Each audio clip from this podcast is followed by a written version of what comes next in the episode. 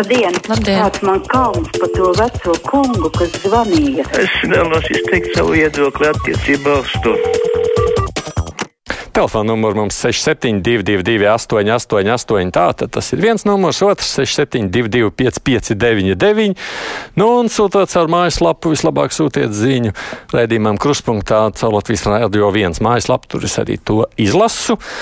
Un vēl varbūt nolasa arī Toma rakstīto par iepriekš skanēto pirms kruspunkta tiešraides komentārus no Facebook. Lūdzu, lūdzu, pasakiet sirsnīgu paldies Ancim Pūpolam par burvīgo muzikālo raidījumu šodien. Viens no viskaistākajiem. Man liekas, ka vispār šie dzīves ritmi muzikā vasarā ir tādi gan baudāmi, gan izglītojoši. Man, Ancim, jāsaka, vienkārši paldies par to darbu, ko viņš dara. Halo! Labdien! Labdien! Uh, sakiet, lūdzu, 20,000 eiro. Tā ir liela nauda. No atkarībā kā kuram? Nu, bēgļiem laikam es nesaprotu, kāpēc bēgļiem jāmaksā, ja valsts neuzņem, jāmaksā 20,000 eiro. A, kur tad, eh, tad jau labāk? Saviem vietējiem, lai nāk atpakaļ. Jūs runājat par to? Eiropas vienošanos? Jā, par to ir Jā, jā, jā. jā, jā. Mhm. jā, jā, jā. Nu, tas Nu. ir tāpēc, ka tajā brīdī, kad uh, Latvija neuzņem, tad kāds cits jau viņus uzņem un maksā, maksā to naudu. Un droši vien jau, nu, kur jau pārsvarā viņi mitinās Itāliju vai ne, zināmā valsts, Grieķija un tā. Un droši vien tur tās summas beig beigās arī tādas aiziet, lai valsts spētu viņus izmitināt. Kamēr šis process iet cauri, tāda aprēķins ir. Vai mums to gribas? Protams, ka nē.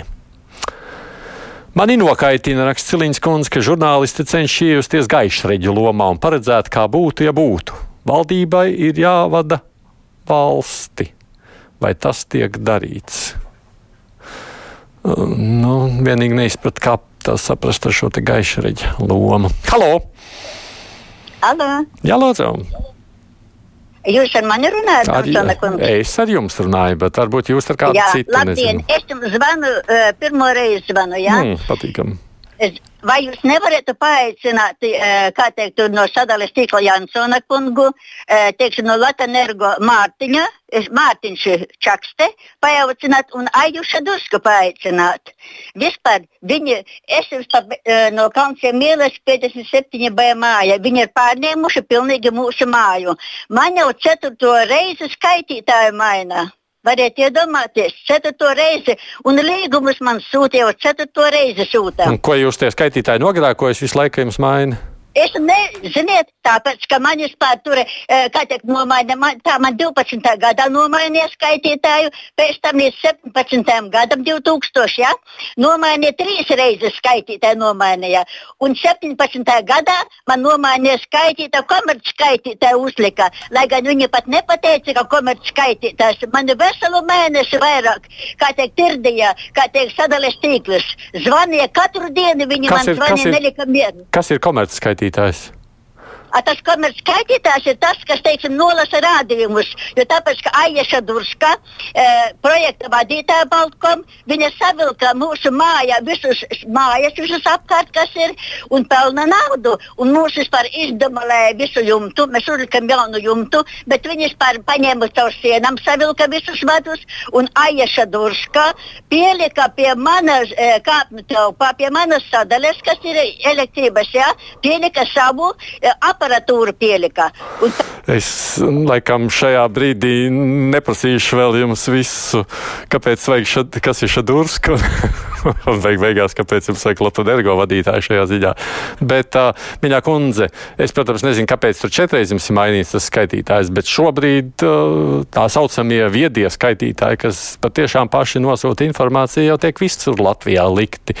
Un tas ir normāli. Nu, galu galā jums taču, man liekas, ir ērtāk nekā pašai skaitīt, bet es pieļauju, ka tur ir izklausās senāks stāsts jūsu sāpēji apakšā. Aits pārteicās. Paldies Ansim Pupolam, nevis Ansim, nevis Ansim Pupolam, bet Ansim Pavasarim. Ā, es nosaucu, jā, pavasaru par pupoli, jā. Protams, kolēģim Pavasarim. Pupolam es vēl nezinu, par ko paldies teikt pašlaik. Halo! Labdien! Labdien! Ziniet, es gribētu tādu ieteikumu ieteikt. Rīgas domas visa valdība. Kas vakardien tik ļoti pārstrādājās, varbūt rīt varētu atvēsināt savas galvas un ar lāpstām un grābekļiem plecos doties uz Lucālu salu un viņu sakopt, jo viņi tur ir sataisījuši tādu bardaku, ka nav tur vairs ne ceļa, par kuru cilvēkiem aizbraukt, ne kājām aiziet. Un lai nu atvēsina savas galvas un sāk kaut ko sakārtot. Man liekas, ka rīt ir Rīgas svētki, un tur jau nu, būs pietiekoši daudz. Ne, gan neatceros, kurās visās salās arī bija pieredzējis tie pasākumi. Tāpēc. Bet laikam ne ar lāpstām. Piekrītu Oditai par Nacionālo apvienību un apvienoto sarakstu. Kariņš šajā valdībā bija ķīlnieka lomā, raksta mums Miks, jo divi niķīgi bērni uzmeta lūpu ikreiz, kad nenotika pēc viņu prāta. Tāds ir viņa secinājums. Halo! Labdien! Labdien! Es ļoti priecājos par to, ka beidzot vienreiz arī žurnālisti kaut pieminēja jautājumu par to, kad Eiropa visu laiku Latvijai gad gadiem atgādina par to, ka mums ir nenormāli liela nevienlīdzība. Mm -hmm. Un ja runā par, tam, par to konkurenci, ko visu laiku mums cenšas iestāstīt uzņēmēji, tad jāsaka, tā cilvēkiem Latvijā jau arī ir konkurence uz izdzīvošanu. Un, un laikam jau tie investori nemaz tik ļoti neuztraucās par to pusprocentu pie algas nodokļa, kā par to, ka viņi strādnieki nevarēs aiziet pie ārsta, vai viņi bērni nemācās un tur nebūs cilvēki, kas strādā. Un mm -hmm. neviens investors, manuprāt, nebūs sajūsmā par tikai tādiem darbiniekiem, kas uz kaut kādu laiciņu atnāk, atbrauc šeit drusku labāk papelnīt. Mm -hmm. Pašiem Piedodiet, ka es saīsinājos, bet, nu, jā, bet beig beigās jau to, vai tā ir kreisa vai labēja politika, jau nosaka vēlētāji tajā brīdī, kad partijas izvēlas. Tik daudz, ka mums, laikam, viena daļa partijas cenšas šo jautājumu tik ļoti apiet, ka vēlētājs tam vai nu nepievērš uzmanību vai apjūk. Tā man reizēm šķiet. Mm, tā, labi. Es lasu tālāk, ko ļaudis raksta. Gribu sveikt Vilni Čirsi ar ievēlēšanu Rīgas mēra amatā, raksta Pēters, lai saticība un stabilitāte šai laulībā ejot uz priekšu. Halo! Labdien! Labdien. O, man ir tāda ideja, ka vajadzētu vēl kādu biedrību nodibināt zilajiem, ritiem, gejiem un visiem kaut kādiem Tad vajadzētu narkotikas, es lietu arī. Nu, tā taču arī ir pieļaujama lieta, tā vairs nav izvērtība. Tad kaut kāda zoofila biedrība, kas kopojas ar dzīvniekiem, nu taču jā, jau visādas izvērtības, kāpēc tā tādas nevarētu būt? No nu, jums viss iespējas kādu nodibināt šādu. Ko nu darīs Šlesers un ko Kariņa Levita režīms ir gāsts, raksta Dainis. Ainārs to neizdarīja. Ko nu tagad izdomās, lai mānītu savu auditoriju un censtos ar jebkuriem paņēmieniem tikt pie varas un atstrādāt Kremļa naudu? Opozīcija jau nu, vienmēr atradīs, kā cīnīties, un tas jau ir opozīcijas aicinājums. Halo! Sveicināti! Sveicināti! Iet runa par uh, nodokļu nemaksātājiem. Visu laiku tie ir visādas problēmas, ko darīt ar viņiem, kas nemaksā nodokļus un līdz ar to parazitē gan par transportu, gan par veselību, gan par izglītību. Valsts visu laiku viņiem piemaksā. Visā pasaulē tas jautājums elementāri atrisināts. Ir nodokļu grāmatiņa, un kas maksā nodokļus, tie saņem atziedojumus, kas nodokļus nemaksā, tiem pa pilnu. Atvieglojums kāds, kāds atvieglojums? Nu, par medicīnu mums atvieglojumi ir kolosāli visiem. Ah, ja nu, nu, mums jau, kā atceraties, šis jautājums jau bija aktuāls, un to virzīja Ingrīda Circena. Nu, sākotnēji jau pat šķiet bija liels atbalsts, bet beigās sacīja arī paši mediķi bija kategoriski pret, sakot, ka viņi nevar kādam nesniegt palīdzību tikai tāpēc, ka viņš nav samaksājis nodokļus. No, nu, tad bija jautājums, kas, kur palīdzības sniegt, kuru nē, un beig beigās to domu noraka kā tādu, kā jūs redzat. Bet nu, mums kā tāda apdrošināšana, protams, nu, jā, īsti nestrādā. Ļoti ceru, ka Nacionālajai apvienībai šī ir pēdējā sājuma, raksta Vita mums, jo viņi reāli taču nav neko izdarījuši, pilnīgi neko. Ir katrā valdībā tikai bremzē darbu un paši neko nedara. Tas ir viņas vērtējums. Halo! Labdien! Labdien! dažs pārdomas par bijušo valdības vadītāju un nākošo kandidātu. Par Kariņu kungu man jau priekšstats radās sen atpakaļ, kad viņš bija ekonomikas ministrs, un tas nebeidzamais strīds ar Lembergu par kaut kādu Grīnbergu, kur nevarēja noskaidrot personību. Un rezultātā Lembergs vinnēja tiesu, un valsts dabūja samaksāt kaut kādus tūkstošus par to, ka viņš ir nepelnīti nosodīts. Un par nākošo kandidātu jūs tikko diskusijā tur gudri runājāt un saucāt, ka Siliņas kundze bijusi tur pie prezidenta blakus un pie valdības vadītāja blakus. Bet kur tad ir tie darba rezultāti? Kāpēc mēs esam, ja viņi tik atbildīgos amatos bija, kāpēc viņi neizdarīja tā, lai Latvija labāk dzīvotu? Tāds ir jautājums. Mm -hmm.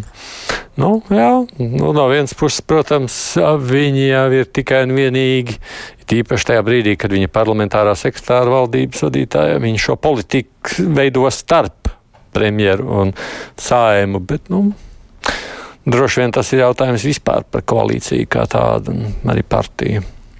Manuprāt, Teviks Siliņas izvirzīšana premjera amatam no jaunās vienotības puses ir lielākā kļūda, raksta Dagnija bet gan nepaskaidro, kāpēc tā viņa domā.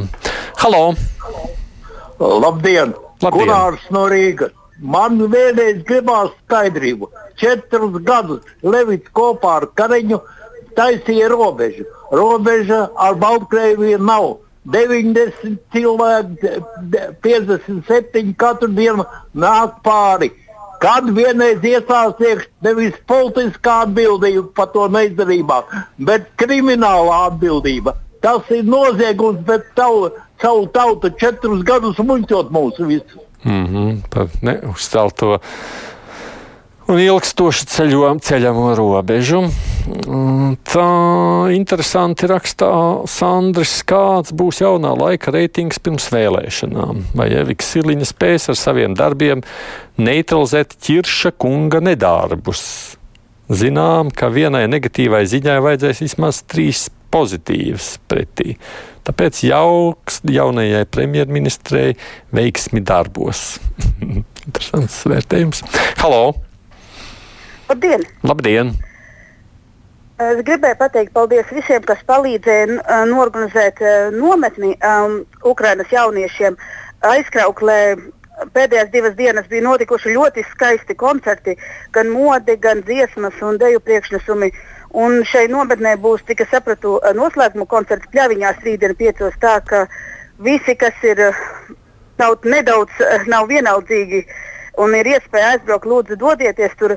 Tas tiešām bija nu, ļoti sirdī aizkustinoši pasākumi. Mm. Um, gan šie jaunieši, kā viņi saliedējās kolektīvā, grupās, uh, gan arī viena meitene bija tik drosmīga, ka viņa spēja uzstāties um, neilgi pēc tēva zaudēšanas. Uh, mm. Neilgi pirms došanās uz uh, šo nometni viņa bija diemžēl zaudējusi tēvu karā. Mm. Neskatoties uz visu, viņa spēja to ziņu nes tālāk. Un arī es nezinu, vai tiks vākts uh, rītdienas koncertā ziedojumi, taču vakardienas koncertā tika vākti ziedojumi drona iegādēji. Un mēs tik daudz iztērējam nevajadzīgām lietām, visādām tur saldumiem, un cigaretēm un čipsiem, un kam tur vēl ne. Un, uh, kad mēs domājam, ko garšīgāk apēst Ukrajinā, cilvēki domā, kā rītdienu sadarīt. Tā ka visiem, kuriem ir iespēja noziedot, uh, mm -hmm, kaut kādā veidā jā. atbalstīt. Paldies par aicinājumu. Domāju, ka jā, tas ir skaisti. Tā, es mēģinu paskatīties, vai es varu paspēt kaut ko nolasīt. Ko tagad dara Justs Tomsons? Es izlasīju un aizsāku mēģināt domāt, par kuru Justs Tomsons ir. Laikam par manu dēlu. Viņš varētu doties uz Latvijas austrumu robežu palīgos robežsargiem un zemesargiem. vēl jau jāmācās, vēl ir skola, vēl ir tikai ģimnāzists vidusskolēns. Bet, cik es saprotu, arī devās šodien meklēt to pazudušo vīru, kurš tur Karkalns pusē pazuda. Paldies visiem, kas rakstījuši vai zvanījuši. Mums uh, pirmdien kruspunktā lielajā intervijā esam aicinājuši uz studiju Jolantu Kalniņu trīs bērnu mamma, no kuriem viens ir ar smagu invaliditāti. Jolanta tā, ka savā Facebook kontā neslēp tās grūtības, kam viņi iet cauri. Tas šī brīža stāsts ir īpaši aktuāls, tāpēc viņa runājot, lai varētu ietekmēt, uzlabot dzīvi arī citām māmiņām, mēs par to arī runāsim. Došiem par politiku ar mazliet. Bet kurspunktā šodien izskan procenti Junām studijā Aidis Tomsons.